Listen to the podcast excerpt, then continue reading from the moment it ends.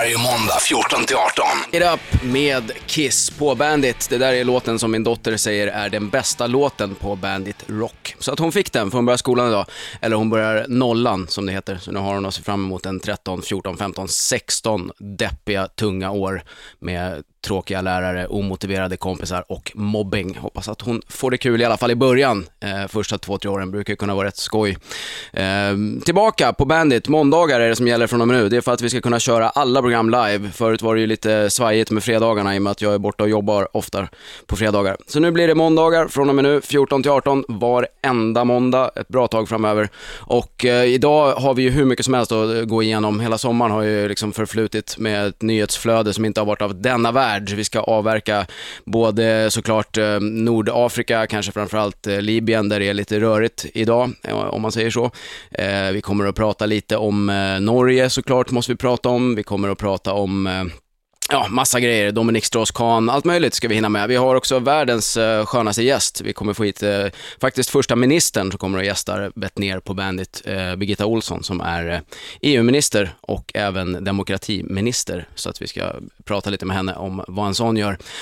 mobbing ja, att bero på det så har ju bandet Takida surat till under sommaren här. De fick ju en risig recension och en recensent som skrev att han övervägde hur lång tid man får sitta inne om man mördar folk, eller något i den stilen. Och de blev ledsna. Och så känner jag så här, nej, det är taskigt att mobba Takida, för de är ju liksom inte, det är inte det är inte berättigat att mobba Takida. Det är bara en grej man slänger ur sig. Takida, tråkigt, för att det är så liksom. Tråkigt, dålig rock. Men det är inte, det är inte berättigat att mobba dem. Man ska koncentrera sin mobbing på de som det är berättigat att mobba. Som till exempel Marcus Birro eller Per Gudmundsson eller sådana som gör liksom dåliga grejer på riktigt. Inte Takida. Så därför kommer det nu en låt med Takida. Och jag vet, nu kommer ni bli så jävla sura och det är lite av eh, anledningen också för att jag tycker ni är så jävla Skärp er för fan. Här kommer Curly Sue med Takida. Curly Sue med Takida, där fick ni! Det är ju så skönt. Ni kan gå in och live-kommentera eh, om ni vill, om ni är sura över någonting. Bara sådär. Eh, Bandit.se finns det live-kommenteringsfunktion. Man kan också göra det på Twitter såklart. Då hashtaggar man bettner så kommer det upp eh, på samma ställe och även i, i mitt flöde. Så kan vi liksom hålla kontakten på det viset. Det går också fint att smsa in till Bandit-studion. 72445-bandit mellanslag vad ni nu vill säga och så kan ni skriva ert namn också så blir det trevligt och, och glatt och så. Och inga låtönskningar. Jag skiter i låt låtönskningar. Det får andra sköta. Det finns så många som gör det så bra här. Uh, ja, vi har ju massor att, att, att beta av. Uh, Libyen, jag vet inte riktigt vad man ska säga om Libyen i och med att det är ingen som riktigt verkar ha koll på vad som händer. Igår var ju Gaddafi död ett par timmar. Uh, jag satt framför datorn vid 10-11 snåret sådär, då var han död. Uh, framförallt var det väl syrisk TV som gick ut och sa att han var död. Jag vet inte riktigt varför just de gjorde det, men Syrien har väl annars mest ägnat sig åt att gå bananas på landets oppositionella på sista tiden. Tanks och massmord som en sån här riktig mördarregim, som de ju är såklart. Och USA och EU hotar med sanktioner. Ja, för det är ju så man får en regim som är beredd att köra över politiska motståndare med tanks att verkligen skaka av rädsla. Tänk vad krångligt det blir att exportera nu. Tänk vad händer med landets välstånd om det utvecklas negativt? Ska vi verkligen... Eh, nej politiker som klär sig i uniform, de brukar ju inte direkt ha folkets väl i topp på prioriteringsordningen. Det gick ju hyggligt bra för Saddam Hussein att hänga sig kvar vid rodret i vadå, 15-20 år, trots de här sanktionerna. Gaddafi, han är ju fortfarande kvar, så vitt jag vet i alla fall, även om han kanske börjar känna att eh, det bränner lite eh, i röven. Eh, det är ju hotet om våld såklart som får diktaturer att backa. Och det är ju tyvärr eh, rätt långt borta eftersom USA redan är med i, i 14 olika krig och har trupp överallt och slåss om olika sanddyner eh, runt om i hela Mellanöstern och det är väl bara de som kan tänkas gå in. Och jag är inget stort fan av det, men just när det gäller de här eh, diktaturerna i Mellanöstern så är det svårt att se hur man ska komma åt eh, det med sanktioner, särskilt med tanke på att det är de som lite sitter på oljan som vi har en viss benägenhet att, att behöva. Vi ska prata mer om Mellanöstern, vi ska prata om Norge, vi ska prata om eh, Strauss-Kahn, vi får hit eh, gäster. Det kommer bli en helt fullpumpad eftermiddag, så jag tror vi ska ta och ladda upp för den med en riktigt skön låt. Här kommer eh, en från senaste skivan med eh, Ark Enemy. System of a Down på Bandit, där Magnus Bettner numera är på måndagar, varje måndag bra tag framöver, 14 till 18. Uh, eh, ja, sommaren ja, vi ska ju avverka allting. här. Det var ju inte så, så länge sedan det var panik på börsen igen. Det är ju som vanligt, kris, sälj, panik, vi dör. Lägg av med den här skiten bara. Ja, börsjäveln går ner ibland. Nej, jorden går inte under varje gång. Det är klart det är trist för de som precis hade tänkt att ta ut sitt sparkapital och lägga i madrassen eller för de arma stackare som har blivit lurade att lägga hela pensionssparandet där fast det var två år kvar till de skulle gå i pension. Absolut, men annars så är det ju faktiskt bara att softa. Det blir bättre. Vi har haft så sjukt många kriser de senaste, senaste hundra året så det är svårt att fatta. Världskrig, total börskrasch, ännu ett världskrig, oljekris och ändå så blir allting hela tiden långsamt bättre och bättre faktiskt. Vi uppfinner mer, vi kommer på fler nya saker, nation efter nation lyfts ur fattigdom, vi ökar vår livskvalitet hela tiden. Vill ha ett råd så här i kristider, gör inte ett skit. Sälj ingenting, köp ingenting. Snacka om slacktivism. Bara sitta still i båten och hålla käft. Det borde väl till och med den mest ängsliga Stockholms hipster kunna klara av. Jag lydde i och för sig inte mitt eget råd. Jag hade 40 000 kronor som jag hade sparat undan i fonder och behövde en bil. Så jag lyckades sälja fonderna precis, precis innan det här raset. Det hade ju varit något härligt att gå ut och säga det som ett råd till alla. Sälj fonderna, köp en bil. Köpte i och för sig en Saab, så att det går väl kanske på ett ut. Eh, det är väl inte... Och dessutom lyckades jag krocka idag, eller jag krockade, jag touchade en bil. Jag var stressad och eh, hungrig på vägen hit, så skulle jag bara backa in i en ficka, så missade jag att det stod en bil bredvid där på något vis. Så att det kom ut en dam och sa, vad fan håller du på med? Ja, det är ju rätt svårt att förklara i ett sånt läge. Vad fan håller jag på med egentligen? Det var inte meningen, jag såg det inte. Det var en sån liten bil. Så att eh, vi får se, det är ju tur att den är försäkrad i alla fall. Kostar ju lika mycket som själva bilen, bara att försäkra den. Några som drar in pengar så är det försäkringsbolagen. Eh, vi ska prata mer pengar, vi ska prata alla möjliga andra grejer också, men först eh, blir det lite mer musik. Här kommer en låt med The Cult. Uh, ekonomi, ja, USA hade ju lite kärvt där ett tag. Det var ju några dagar som det var riktigt kaos. Nu går vi snart i konkurs. Vi måste komma överens. Jag tycker det är så jävla underbart. Då sätter de bara ner de här, vad de nu är, 435 tror jag, i eh, uh, representanthuset och uh, sätter sig ner och klurar tills de kommer fram till att Ja, nu har vi bestämt hur vi ska lösa den ekonomiska krisen. Vi har bestämt att vi får låna lite till. Fixat! Jag tycker det är helt, det är helt underbart. Och så fick de ju sänkt eh, rating av Standard Poor's eh, från AAA till AA+, eller vad det var. Och då gick ju Obama ut och slängde ur sig det eh, extremt eh, George Bush-iga citatet “This will always be a AAA nation”. Jag vet inte, Barack, hur det ligger till med det. Jag är lite tveksam måste jag säga, med tanke på de senaste tidernas eh, lånetakshöjningar. Men vi ska ju också dra ner lika mycket pengar som vi har bestämt oss att vi ska få låna. Lika mycket utgifter ska vi dra ner. Vi behöver bara komma överens om vad vi ska dra ner på.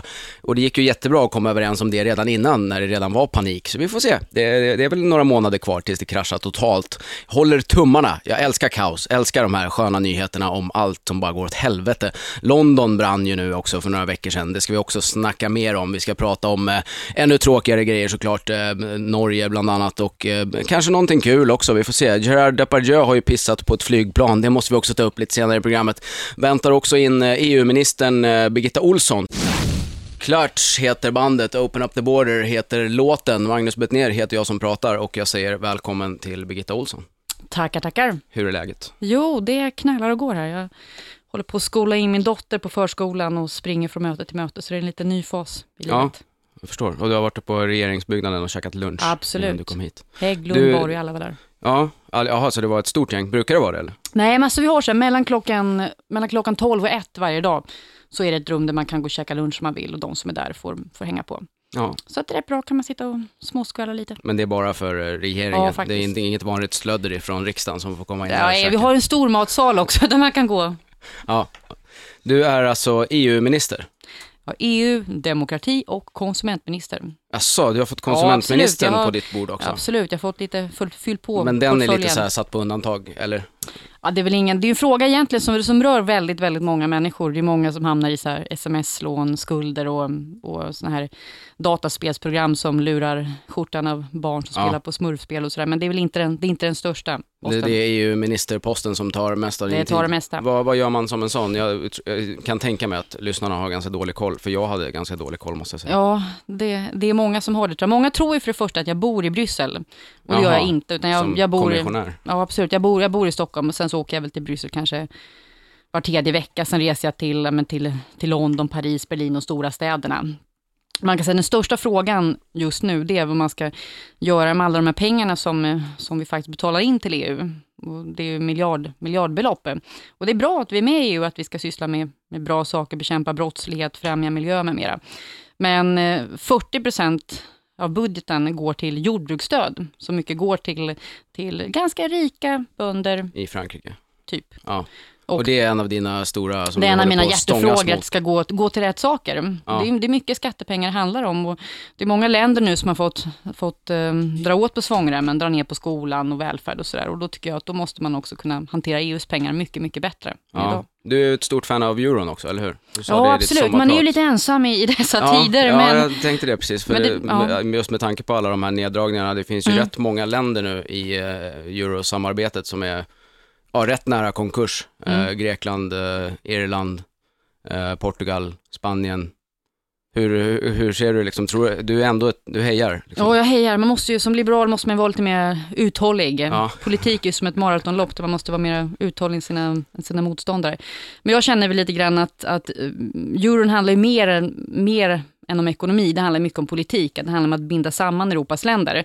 Och det är inte så att jag tycker att Sverige ska gå med imorgon i, i, och ha euron som valuta. Men jag tycker att det är ganska fegt att väldigt många partier som tycker som Folkpartiet tycker att euron är bra, de står inte upp för det nu när det blåser lite. Nej. Och där tycker jag att man faktiskt måste vara lite mer uthållig i sitt ledarskap och, och säga att, att uh, tror man på idén så får man ju fightas lite för det. Ja, framförallt nu när det är flera år kvar till valet. Då kan man ju... Då, ja, då kan man ju... absolut. Ja, absolut. Ja, men vi, är inte, vi är inte populister i Folkpartiet i den här frågan. Nej, sen sen också så, så är det väl bra om man kan, kan um, få lite mera fängslen och livremmar. Det är ju otroligt både pinsamt och tragiskt hur en del euroländer har, har man schabblat med statistik som Grekland, där man inte har letat upp de krav mm. som finns. Det är ju urkast rent ut sagt. Så det är liksom ett problem i själva inträdesprocessen, att, ja, man, att man kan lura sig in? Nej, ja, problemet är väl att, det, det, att det, det har funnits för svaga krav och de krav som har funnits har man inte pressat på. Nej. Och det är samma sak som, som om ett land vill gå med i EU, då är det otroligt tuffa krav att man ska leva upp till yttrandefrihet, pressfrihet, respektera minoriteter, se till att man har en schysst demokrati. Ja. Samtidigt så vet vi att en del länder, jag menar nazister marscherar på gatorna,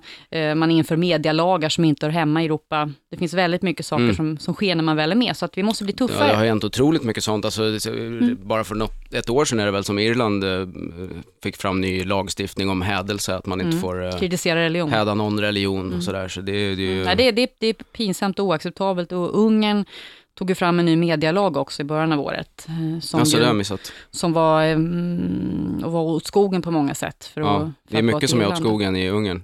De har ju fått in ett riktigt nazistparti i parlamentet ja, det, tredje, också. det tredje största partiet i deras riksdag, Jobbik, eh, har ju en militant fraktion liksom där, där det är grabbar som går i uniformer och ja. eh, ehm, attackerar romer, kör antisemitism som valbudskap, eh, obehagliga ja, Romerna är väl rätt utsatta överlag i hela EU känns det som. Frankrike var inte länge sedan de hade någon eh, lagstiftning som sa att de skulle skickas iväg och det är, det är, en grupp som är oerhört utsatt. Liksom. Känns... Ja, absolut, och det, det, är ju jätte, det är väldigt, väldigt sorgligt. Jag menar, det, det alla, alla i Europa känner till hur, hur judar förintades under andra världskriget. Det är något, en historia vi har lärt oss i skolböckerna.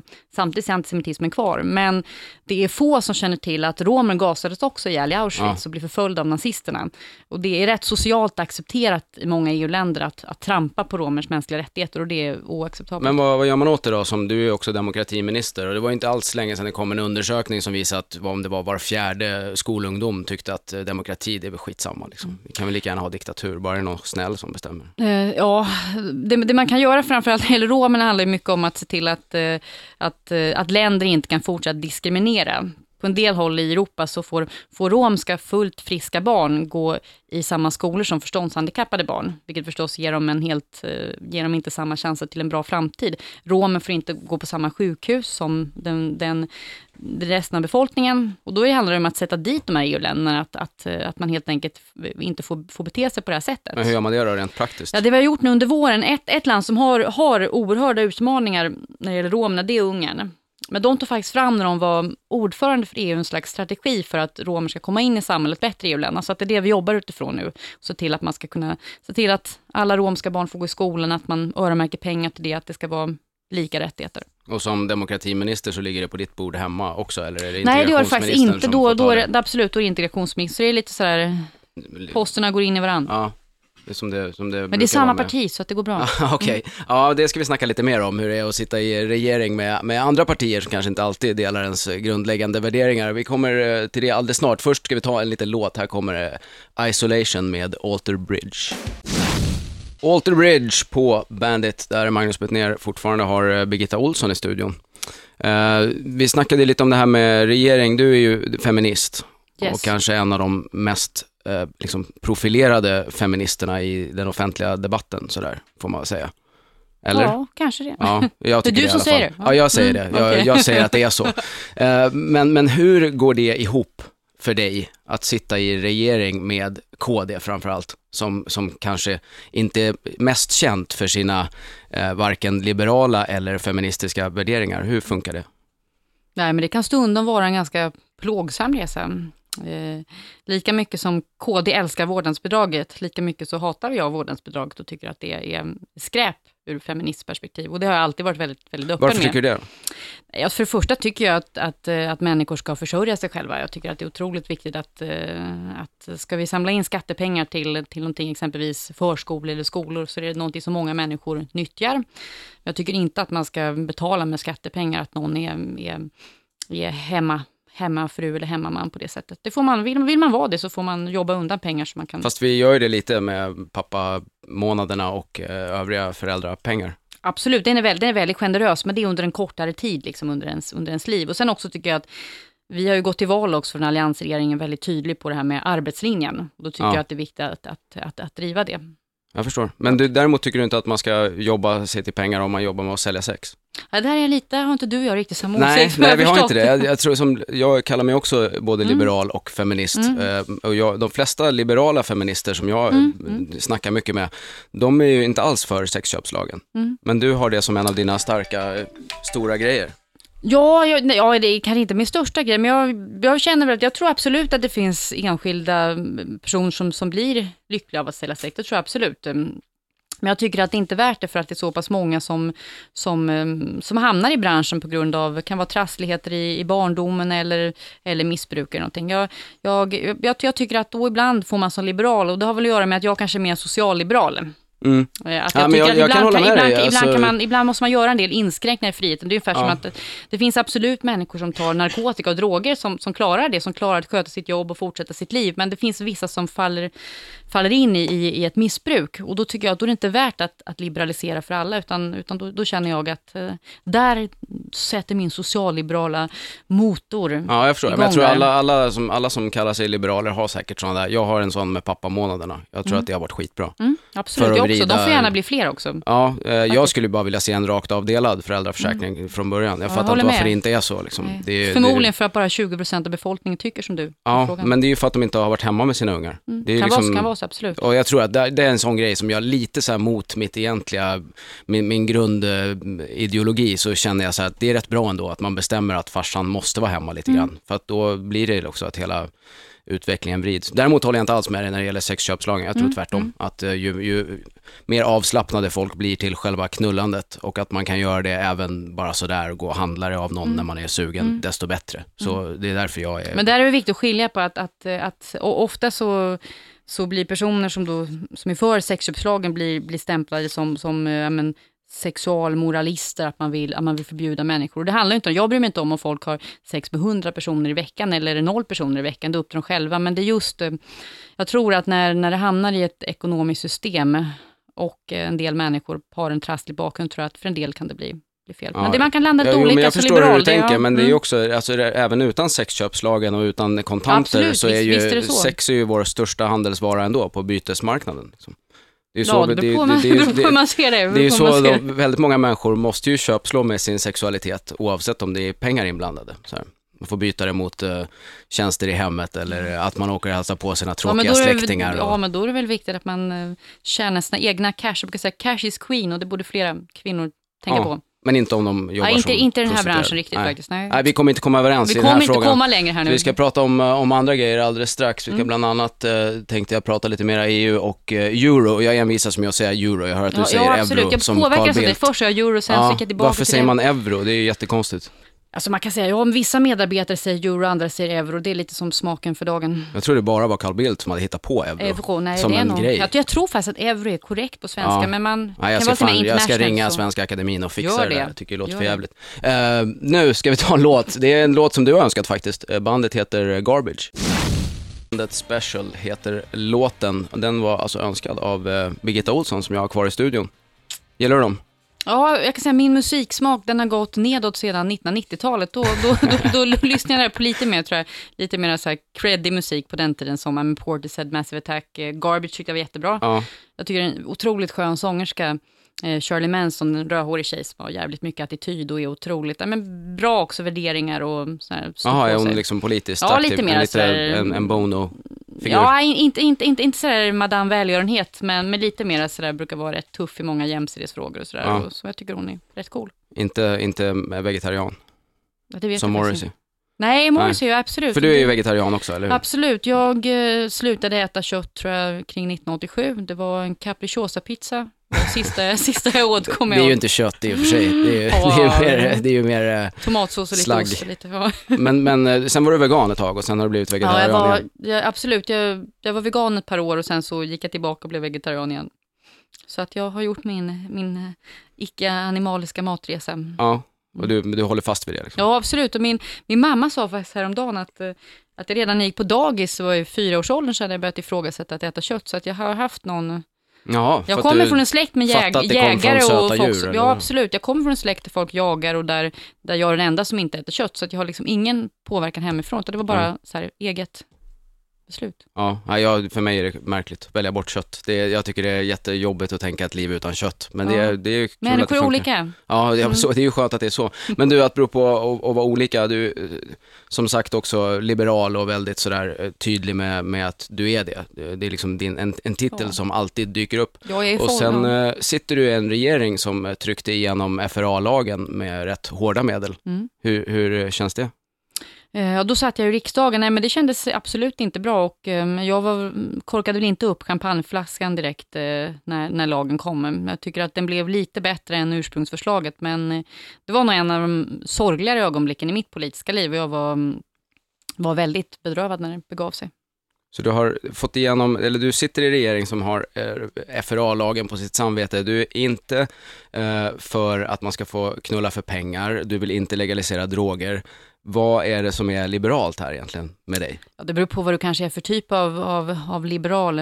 Eh, I frågan om integritet så tycker jag definitivt att, att eh, samtliga svenska regeringar de senaste decennierna borde ha varit mycket, mycket skarpare. Och där kommer det komma en hel del alltså, utmaningar längre fram också. Det går ju ganska snabbt det här storebror i samhället, så jag hoppas att vi Ja. kan, kan trycka på i rätt riktning. Men de andra frågorna, det är väl mera på den, på den här liberala skalan, hur pass mycket nyliberal man är. Ja. Eller om man är lite mer som jag då, lite mer eh, bekvämt tillbakalutad socialliberal. Socialliberal. Ja. Ja, jag är inte alls särskilt nöjd över begreppet nyliberal överhuvudtaget. Jag tycker det är ett väldigt konstigt begrepp. ja, det är eh, svårt att definiera. men Det det- är, lite det- mer som anarkist nästan, fast på den liberala. Men, men eh, vad tror du kommer hända då med FRA och övervakning och, alltså Cameron gick ut nu för bara några dagar sedan och sa att Mm. han vill inskränka rätten att använda Blackberry och Facebook och Twitter Mm. för att folk gör upplopp och sånt där. Och mm, lagstiftningen tycks liksom vara ganska lätt att ta till helt plötsligt när det blir problem som beror på andra grejer än att Mm. folk har en mobiltelefon. Mm. Kommer vi få se mer av det i Sverige tror du? Mm. Jag tror, eller vi har fått se mer av det i praktiken hela, ja, hela världen, inte minst i västvärlden de senaste tio åren. Och, eh, om några veckor så är det ju tio år sedan 11 september skedde i USA, då, då islamistiska terrorister slog till. Och det tror jag skakade om hela världen väldigt mycket. Och många förslag som var politiskt otänkbara innan dess blev plötsligt liksom vardag för många. Ja. Men det som har hänt nu tycker jag det är ändå att det blivit en mer sund eh, debatt kring integritetsfrågor. Jag tror att, att eh, allmänheten har spottat upp sig lite grann och eh, nog vågat ge politiker lite mer ryggrad. Och jag menar som det här utspelet från, från eh, Cameron var ju mm, verkligen inte speciellt begåvat och jag menar, hur kul är det när kinesiska diktatorer och andra applåderar en, en, en, Ja, en, inte- en inte politiker från jättelyckat. en av Europas största Men- demokratier. Det var inte jättebra. Å andra sidan kan man ju tänka sig att många som röstar på honom inte riktigt fattar vad Twitter och Facebook är. att, att det är ändå inte så många människor som använder, i alla fall inte Twitter och kommunicerar på det sättet. Även om de har ett Facebook-konto Mm, så mm. tror jag många så här, eh, om man tänker som mina föräldrars generation, de använder ju inte det till att så här, ska vi ses på lördag, utan de, Mm. de har det och så tittar de på lite bilder och så Mm kanske de liksom tänker att men det här kan jag vara utan. Mm. Jo, men det som var intressant i det här fallet då med Storbritannien var ju att, att väldigt många kritiserade Carl Bildt, Sveriges utrikesminister, var ute väldigt hårt i debatten och jag tror att det tror jag inte kommer att bli, bli, bli verklighet, just, just det förslaget. Och när det gäller just internetfrihet med mera, vi har ju haft den här fantastiska arabiska frihetsvåren nu. Och då har vi alla hejat på Twitter och sociala medier och allt har gått framåt i rätt riktning. Och då, då blir det ju väldigt mycket dubbelmoral. Om Ja. vi själva börjar dra, dra ner på det som vi hurrar på i andra delar av världen. Så att jag tror att där har det skett en, en, en, en sund, stark, stark Ja, för man, man hoppas ju det i alla fall, men samtidigt så är det ju väldigt lätt när folk blir skrämda av någonting, som Mm. 11 september, liksom. då helt plötsligt tycker folk, ja men det är väl helt rimligt att, att eh, det blir eh, alla möjliga lagar Mm. som inskränker min, min frihet, för jag använder ändå, ändå inte den delen av min frihet, så det. Ja, gör det, här, ingenting. Liksom. det här klassikerargumentet som jag tycker är väldigt eh, sorgligt, det här med den som har rent mjöl i påsen, Ja. behöver liksom inte att frukta något, men eh, vad händer om man får en totalitär stat? Man vet inte vilka politiker som kommer styra i framtiden och då kanske det inte är så muntert om så mycket av våra personliga Nej, data med mera är, är, är tillgängligt för många. Men ehm, det är en balansgång hela tiden mellan integritet och att kunna ha en tuff politik mot, mot extremism och terror. Jag tror att man kan det. Jag tror att man klarar av att hålla två bollar i huvudet samtidigt. Ja. Det är ju inte alltid så att vi får tag i fler våldsbejakande extremister bara för att vi har mer övervakning. Det kanske handlar om andra saker. Förebyggande arbete, att kunna upptäcka ungdomar på glid i tid tidigare. ja och sen kan man väl också tänka så här att extremister, de, är- de är ju läskiga, de som finns, men det är ju inget jättestort problem för mänskligheten, egentligen. Alltså attentat och sånt. Det är inte särskilt många som har dött i ett terrorattentat, om man Nej, jämför sam, med samt, allting annat. samtidigt, eh, x antal miljoner blev mördade av Hitler, det var också en form av extremism. Jo, men Så då så är man inne på någonting som är mer liksom ovanför, han blev ju inröstad och han blev vald liksom. Eh, och, och det är en annan typ av Mm. Nej, men jag, jag, tror den att, här- men jag tror att man måste ta, ta ett, ett, ett brett grepp, både vad gäller religiös och politisk extremism. Jag jobbar mycket nu som demokratiminister med att försöka ta fram mycket alltså förebyggande åtgärder. Hur fångar vi upp ungdomar på glid i fel riktning? Jag var i, i morse på Fryshuset, träffade bland annat Exit, som jag har, har mött många gånger, att se till hur bra, får vi bra avhopparnätverk? Ja, det är de vill som lämna jobbar med att rörelser, få- De får nynazister att lämna Ja. rörelsen. Den typen av projekt. Det har vi inte idag i Sverige för vänsterextremister eller för, för, för våldsbejakande islamister. Så det är mycket Nej. vi kan göra som vi inte gör. Men att bero på arabvåren, jag måste bara fråga, vi måste Mm. snart eh, Mm. hoppa vidare tyvärr till en låt, men jag måste bara få kolla, det är ju så, måste komma in en låt ibland. Eh, att, eh, vad tror du om, eh, om det nu skulle bli så att det blir eh, någon form av demokratiska processer i alla de här länderna, Mm. vad, hur tänker du att man kan använda EU i det sammanhanget? Ja, det kan man absolut göra. Vi ger ju gigantiska alltså, biståndsbelopp till, till många av de här länderna och det har varit mycket handel tidigare. Många länder har sålt mycket vapen till den här delen av världen, också Ja. Sverige i viss mån, Ja. får vi skämmas över. Eh, men, men det viktiga är väl att, eh, att, att stödja de goda krafter som finns. Det blir Men- aldrig demokrati utan demokrater. Nej, Och jag tycker att det har varit en trist debatt, att oftast har det på något sätt känts som att i den här delen av världen får man välja mellan militärdiktatur eller galna islamister. Det Mm. finns ju faktiskt människor som kämpar för samma frihet som vi tar för given här. ja det är klart att det gör. Mm. Men vad tror du om att utvidga EU då, plocka in de nordafrikanska länderna i EU? Eller Kan det vara aktuellt på Ja, Jag tror, jag 20 tror, jag års tror det kommer börja, det, det, jag säger aldrig aldrig, men jag tror att det är väl mer nu att bygga upp handel, bygga upp alltså, demokratibistånd, se till att det blir schyssta val. Och det är ju, demokrati tar lång tid, revolutioner går snabbt. Ja, vi håller tummarna för att Det det, det funkar. Jättestort tack för att du kom hit. Tack för att jag fick komma.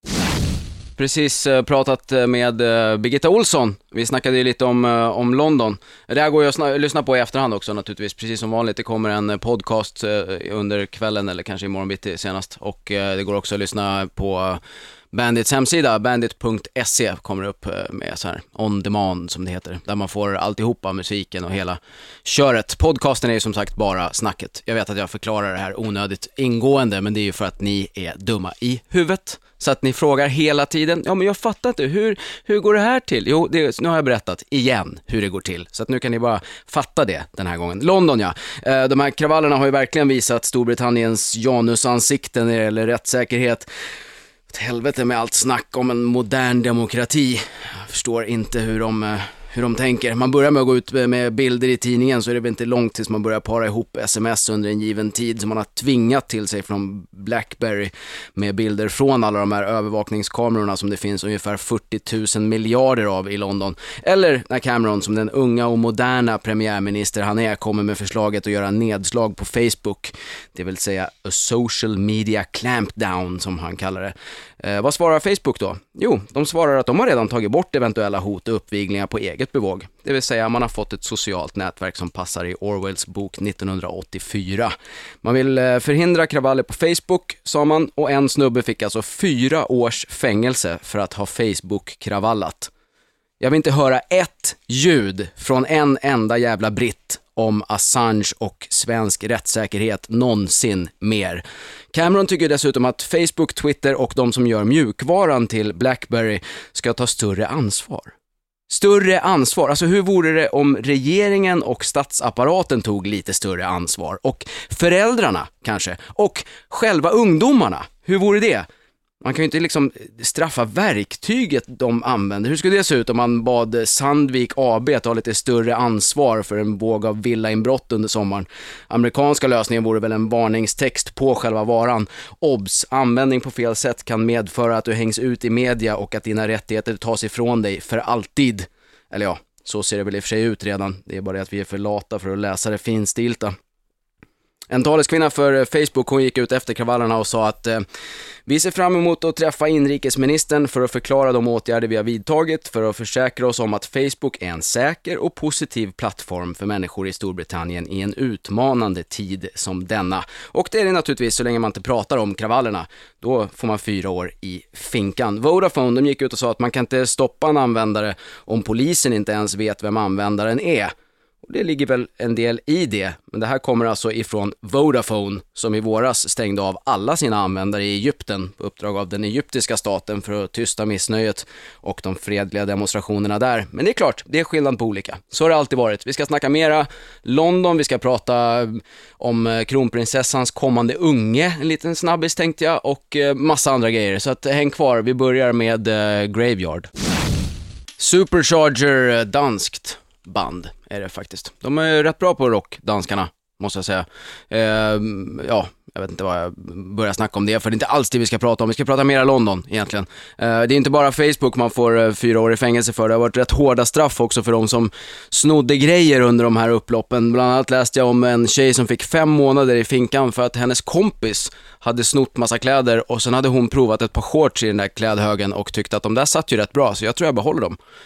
Fem månader i finkan, japp, så funkar det i Storbritannien. Samma Storbritannien som klagar på att Assange utsatt för en komplott av det pajasaktiga svenska eh, rättssystemet. Eh, sex månader fick en snubbe som tågar in på Lidl, bara det är ju sjukt. Det är upplopp, det är öppet överallt, finns inga vakter, du kan gå och ta vad du vill. Du går in på Lidl. Hur fan tänker man där? Ja men de har ju så god skinka ändå, jag går in och tar. Han snodde inte ens skinka, han snodde en flaska vatten. Det var det han snodde. Flaska vatten. Sex månader i finkan för en flaska vatten. Jag tycker det är att ta i. Även om han kanske på något sätt ska ha sex månader i finkan för att han är så jävla korkad. Men det blir ju ett konstigt rättssystem det också. Jag har fått massor med frågor här på livechatten på bandit.se. Bland annat är det massa frågor om min eh, nästa turné som jag snart ska ut på. Eh, alltså jag jobbar ju hela tiden, men snart är det dags för en ny stor turné på lite större ställen, eh, så här konserthus och sånt. Så att biljetterna släpptes i fredags. Det är bara att gå in på ticknet.se och söka på mitt namn där så får man upp allting. Nästan. En del ställen säljer ju inte på Ticknet, utan då får man gå in på magnusbetner.com och kolla turnéplanen som ska vara uppdaterad framåt eftermiddagen har jag fått höra från de som sköter det.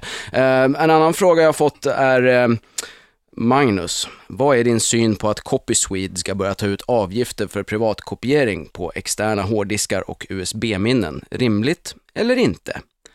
Nej, inte ett dugg jävla rimligt faktiskt, trots att jag är väldigt eh, anti piratverksamheten och tycker att det är jävligt korkat och sno sin kultur gratis istället för att betala för den så att de som får pengarna kan fortsätta att göra det man vill ha. Eh, så har jag svårt att se att man ska liksom på något eh, sätt beskatta en USB-sticka som folk använder för att ladda ner en uppsats som de ändrar fyra rader i och lämnar in som sin egen. Tror att det är fel väg att gå, men jag kan ha fel. Vi ska prata eh, kronprinsessebarn, vi ska prata prata Norge, vi ska prata om alla möjliga grejer. Jag har lite nyheter ifrån Libyen också som kommer alldeles strax, men först är det dags för en låt. Här kommer Babes in Toyland. Babes in Toyland, Mother heter låten på Bandit, där Magnus Bettner numera har bytt till måndagar alltså. Det är därför jag är här på en måndag, för att jag har bytt dag till måndagar. Så nu vet ni det. Inga mer fredagar, däremot varje måndag. 14 till 18, samma tid, fast en annan dag, kan man säga. Så skriv in det i almanackan, kommer vara här varenda måndag. Eh, vi snackade lite grann om, eh, om Libyen där, nu, nu, såg jag på Expressen tror jag det var, att alla världens ledare går ut och fördömer Gaddafi och säger att det är dags nu att han ger upp och att de ska bomba skiten ur honom, NATO ska bomba hans palats. Jag tycker det är så gulligt på något vis, att de går ut och fördömer den här diktaturen 20 år efter att det kanske hade varit dags. Eh, och istället så här, vi stöttar lite, vi skickar lite vapen, antingen officiellt eller inofficiellt. Det är ändå rätt bra om det är stabilt i området. De har ju den där produkten som vi kan tänkas behöva. Men nej, fan, nu är Facebook och Twitter igång igen här och folk verkar inte alls nöjda. Fan, vad ska vi göra då? Vi får gå ut och fördöma den här snubben. Okej, okay, men kanske för 20 år sedan, precis som alla de andra. Eh, Syriens president har idag gått ut och lovat nyval i februari han har alltså backat tidsplanen lite. När det började röra på sig i Egypten i våras, då gick han ut och sa att inom två år, håll ut bara, inom två år blir det nyval, jag lovar. Och nu har han alltså redan känt att det börjar brännas lite grann, så att han har dragit eh, tillbaka tidslinjen till februari. Så vi får väl se om han eh, flyttar den ytterligare bakåt några månader eller om han kommer försvinna på rent eh, teknisk väg. Eh, vi ska snart prata lite grann om, om barn och kungligheter och andra, andra grejer, men jag tror att vi redan nu ska dra en till låt så att vi får igång eftermiddagen för er som förhoppningsvis snart är på väg hem från era tråkiga skitjobb. Här kommer Metallica och låten heter Anesthesia. Kronprinsessan Victoria har ju eh, knullat som bekant. Eh, visst vore det kul, visst vore det kul om det kom ut ett svart barn. Bara så där, bara som, det vore bara så kul. Hur skulle eh, kungahuset hantera det? Det skulle vara så kul att se liksom. Skulle de bara hugga huvudet av trädgårdsmästaren på torget som de gjorde på den gamla goda tiden? Eller skulle de ge honom titeln kunglig hovleverantör? Eller hur skulle de, det skulle bara vara så kul. Eller ett blått. Varför inte? Funkar ju på vita blommor, man häller karamellfärg i vattnet innan de slår ut så blir det ju en blå, eh, blått, det vore kul. En, en liten nazismurf som kommer ut. Man brukar ju säga att, eh, att kungahuset är en riktig PR-magnet för Sverige. Tänk vad ett blått barn skulle göra. Inte bara tysk och svensk kvällspress och skvallerpress skulle vara lyriska, en Ding Ding Värld skulle ha så återkommande mittuppslag. Smurfarna är ju på tapeten redan, slår box office-rekord med sin nya film The Smurfs. Och så skulle det ju en gång för alla slå hål på den här myten om att smurf smurfarna skulle vara kommunister också. Uh, lite undrar man ju också så här, hur mycket regeringen visste om att den här ungen var på gång. Men det kan ju inte vara en slump att man ställer in det femte jobbskatteavdraget dagen innan Vickan går ut och berättar för Sverige att hon har lyckats eh, få en unge att festa. Det är ju dyrt med kids idag. Man vill ju inte att barnet ska växa upp i barnfattigdom Eh, 12,5 miljarder, borde ju räcka till både barnkläder, Playstation och en utbildning utan krav på resultat. Och pressen sen, 900 sidor om att Vickan är på chocken, inte en enda rad om det man skulle vilja veta. Vart tog den här featureartikeln vägen? Så dammade Daniel på Victoria. Var är den? Med illustrationer, expertutlåtanden, Malena Ivarsson och Taras Warberg i så här ivriga diskussioner om etikett, tradition och hur det går till när en man och en kvinna tycker väldigt mycket om varandra. Ja, ja, det är så mycket som skulle kunna bli så kul med det här. Eh, till exempel, jag vet inte hur det är, men jag tror att det är så att om det skulle vara så att barnet får en, en någon form av eh, defekt så kan den inte bli eh, tronarvinge. Jag är inte helt säker. Men det skulle ju vara kul. Vi har ju ändrat i successionsordningen förut i och för sig. Victoria föddes ju inte som tronarvinge, som ni säkert minns, utan det fick man ju ändra.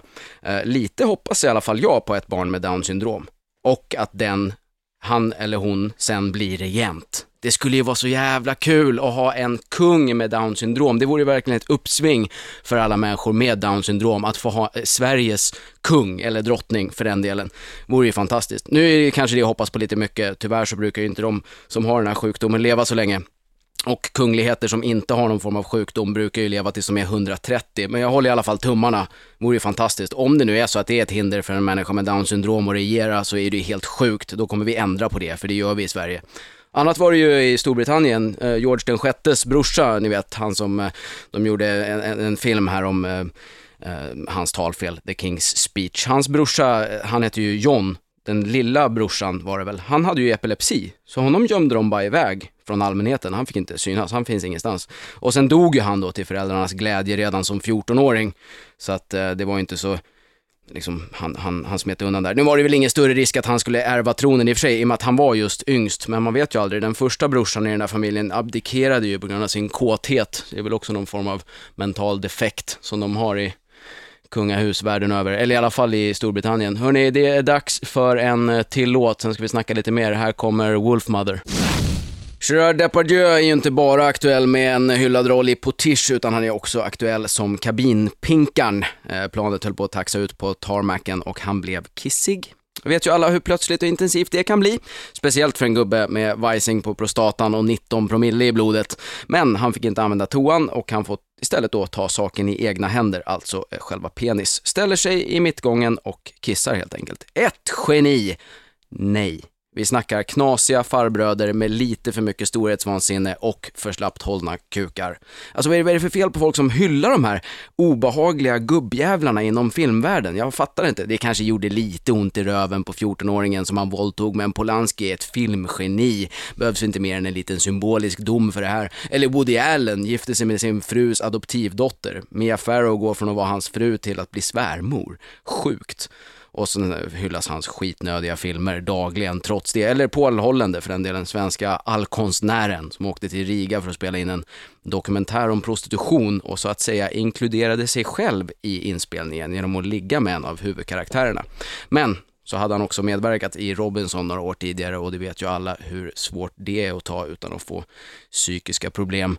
Det har varit lite klag på att det är för lite snack idag. Jag har aldrig snackat så mycket som jag har gjort idag. Jag förstår inte vad ni jämför med. Ni måste jämfört med något helt annat program.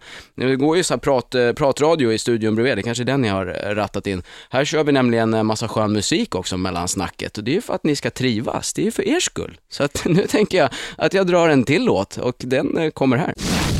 Norge har jag lovat att vi ska prata om, så det ska vi göra. Det blev ju rätt jobbigt där för Svenska Dagbladets ledarskribenter när det visade sig att Oslo-terroristen inte alls var al-Qaida utan en norrman. Svenska Dagbladet skrev sin kortaste ledare, förmodligen någonsin, om terrorrådet dagen efter att det hade skett. Eh, man kan riktigt se hur redaktionen gick loss för fulla muggar när de fick höra om den här bomben och skrev ett par hundra spaltmeter om att hotet från muslimer måste tas på allvar. Och sen kom beskedet om att det var Breivik och Tippexet åkte fram i rask takt. Fan, har vi någon som kan skriva en ny och nyanserad text om terrorism? Inte det. Okej, okay, okej, okay. skriv att vi tycker att terror är dumt i alla fall. Skitsamma att det bara blir tre meningar. Breivik drevs ju uppenbarligen av ett oförsonligt hat mot muslimer. Det framgår ju av hans 1500 sidors koko-manifest om inte annat. Det är ju rätt ironiskt där att få har gjort så mycket för att nyansera bilden av muslimer som just Breivik. Han lärde ju hela Norge och till och med svenskans ledarsida att muslimer inte är det enda eller ens det största hotet. Breivik har alltså lyckats få Per Gudmundsson att tänka till och det är fan ingen lätt bedrift. Muslimer och muslimer förresten. Muslimer i allmänhet har ju naturligtvis lika lite med al-Qaida att göra som din kristna mormor har att göra med Breivik. Vi ska prata mer om Breivik om en liten stund.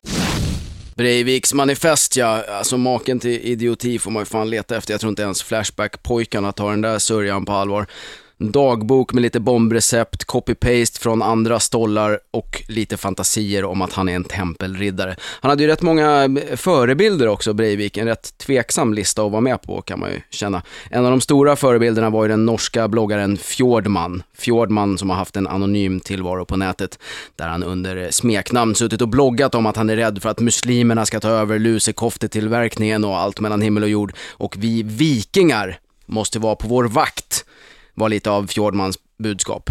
Vikingar. Alltså han kom ju fram till slut, Fjordman, och visade upp sig i pressen. Inte mycket till viking där alltså. Glåmig blick, fula kläder, krulligt hår. Vikingen Fjordman skulle inte kunna göra en fluga för när och ser precis ut som en kille som bott hemma hos mamma åtminstone tio år för länge. Gissningsvis var han ju inte anonym av rädsla för sin säkerhet utan av rädsla för att ingen skulle ta den lilla nörden på allvar om han hade visat upp sig. Det kan ju vara något att tänka på för alla er träskmongon och nättroll där ute. Om er ideolog inte vågar visa upp sig i dagsljus, då är det något som är jättefel. Välj en ny andlig ledare. Vi ska prata mer om alla möjliga grejer och nu ska jag dra en låt med ett band som jag ska gå och se live i Berlin. Här kommer Rammstein.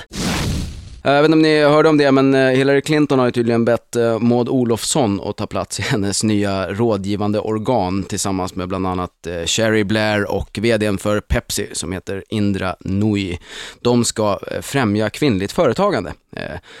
Jag vet inte, när Hillary ville ställa upp i racet för att bli Demokraternas presidentkandidat så sägs det att hon frågade Bill och han sa “Are you ready to lose?” Kan man inte ta en förlust så ska man inte kandidera. Det verkar ju som att eh, Hillary nu åtminstone är redo att förlora eftersom hon väljer att samarbeta med en avdankad näringsminister som inte ens småföretagarna tycker har gjort något särskilt minnesvärt. Eh, Mådan har i och för sig gjort andra minnesvärda saker som när hon eh, 2003 konstaterade att EMU och Hitler var ungefär samma sak. Eller inte riktigt, hon kom ju på att rätta sig sen med att säga att eh, Hitler gjorde också en del tokiga saker. Ja, öppna väpnad konflikt med hela världen samtidigt och bygga mördarläger, det är ju allt lite knasigt Maud. Den skärpan tror jag verkligen Hillary kan behöva ha vid sin sida. Eh, jag vet inte ens vad Maud och Hillarys bild av kvinnligt företagande är förresten. Rutavdrag, barnpassning, på något vis som att kvinnor ska driva en och samma typ av firmor. Känns väl rimligare att bara stödja företagande i sig på något vis. Jag vet inte. Politiker är ju sköna. Juholt har ju snackat också mm, i helgen. Jag vet inte om ni missade det. Det är ju lätt hänt. De fan håller koll på sossarna nu för tiden. De får ju fan ta och skärpa sig alltså. Alliansen kommer ju vinna på walkover om inte Juholt och Waidelich slutar framstå som lantis-amatörer som leker politik. En bekväm allians, det är ju livsfarligt. kommer ju sluta med att vi får se Anton Abele på någon hög ministerpost och Blondinbella som ny riksdagsledamot. Och allt kommer vara Håkan Juholts och hans jävla bonnaskämts fel. För jävligt. Det är ju alltså 20 år sedan eh, Sovjetunionen föll Eh, och det var ju bra. Det är skönt med statschefer som tillträder med friska ögon och bara okej, okay, här behöver vi visst fräscha upp lite. Jag inför perestrojka, glasnost och lite drickmåttligt propaganda. Som att det nu inte skulle räcka med att folk hade levt under kommunismens skära i så många år. Nu fick de helt plötsligt inte supa sig lite lyckligare heller. Eh, men Eh, nog om det. 20 år senare i alla fall så står den extrema Tea Party-tanten Michelle Bachmann och talar till sina anhängare på ett valmöte där hon visar sympati med de amerikanska medborgarnas rädslor för yttre hot och säger “They see the rise of China, the rise of India, the rise of the Soviet Union”. 20 år efter Eh, fallet alltså. Och det är ändå inte eh, hennes, hennes största misstag. Hennes absolut största misstag, det var ju att hon hyllade Elvis på hans födelsedag, när det sen skulle visa sig att det var hans dödsdag, för övrigt samma födelsedag som jag har, den 16 augusti. Det var det som skapade mest irritation bland det amerikanska folket. Eh, vadå, kommer du inte ihåg när kungen är född eller? Mm. Sovjet, OSS eller Ryssland, det är bara formalia, skitsamma. De har inte gjort en på långt när så stort avtryck i historien som Elvis. Men det är skönt, svenska debattörer på högerkant, de har också lätt med överseendet. Bachmann är ju rätt poppis i den här Tea Party-rörelsen och den rörelsen har en hel del supporters. Eh, det gäller ju att blunda lite grann och låtsas som det regnar om man ska kunna vara en svensk T-supporter. Eh, Bachmans kampanj mot Lejonkungen är ju inget direkt som skulle flyga i Sverige.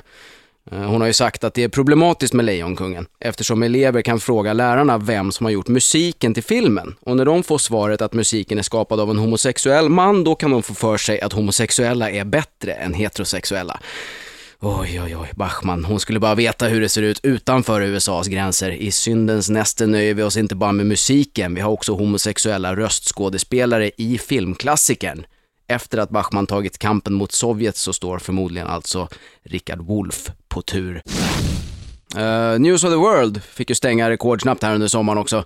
Eh, eller ja, inte snabbt nog kan ju vanliga tänkande människor tycka, men snabbt för att vara en eh, skvallerblaska i tabloidform. Avlyssningsmisstankarna kulminerade när man märkte att en journalist avlyssnat den försvunna Millie Dowlers röstbrevlåda och det fick polisen att tro att hon fortfarande levde. Avlyssningsskandalerna rullades upp en efter en och eh, när kändisarna sen kände sig säkra på att det här skulle bli News of the Worlds fall och att tidningen inte kunde utföra en hämndaktion, då kom de ut ur garderoben och berättade hur de vetat om att de blivit avlyssnade. Eh, det här, redan 2007 började ju det här. Då arresterades eh, den före detta hovreporten Clive Goodman och före detta redaktören Andy Colson för telefonavlyssning.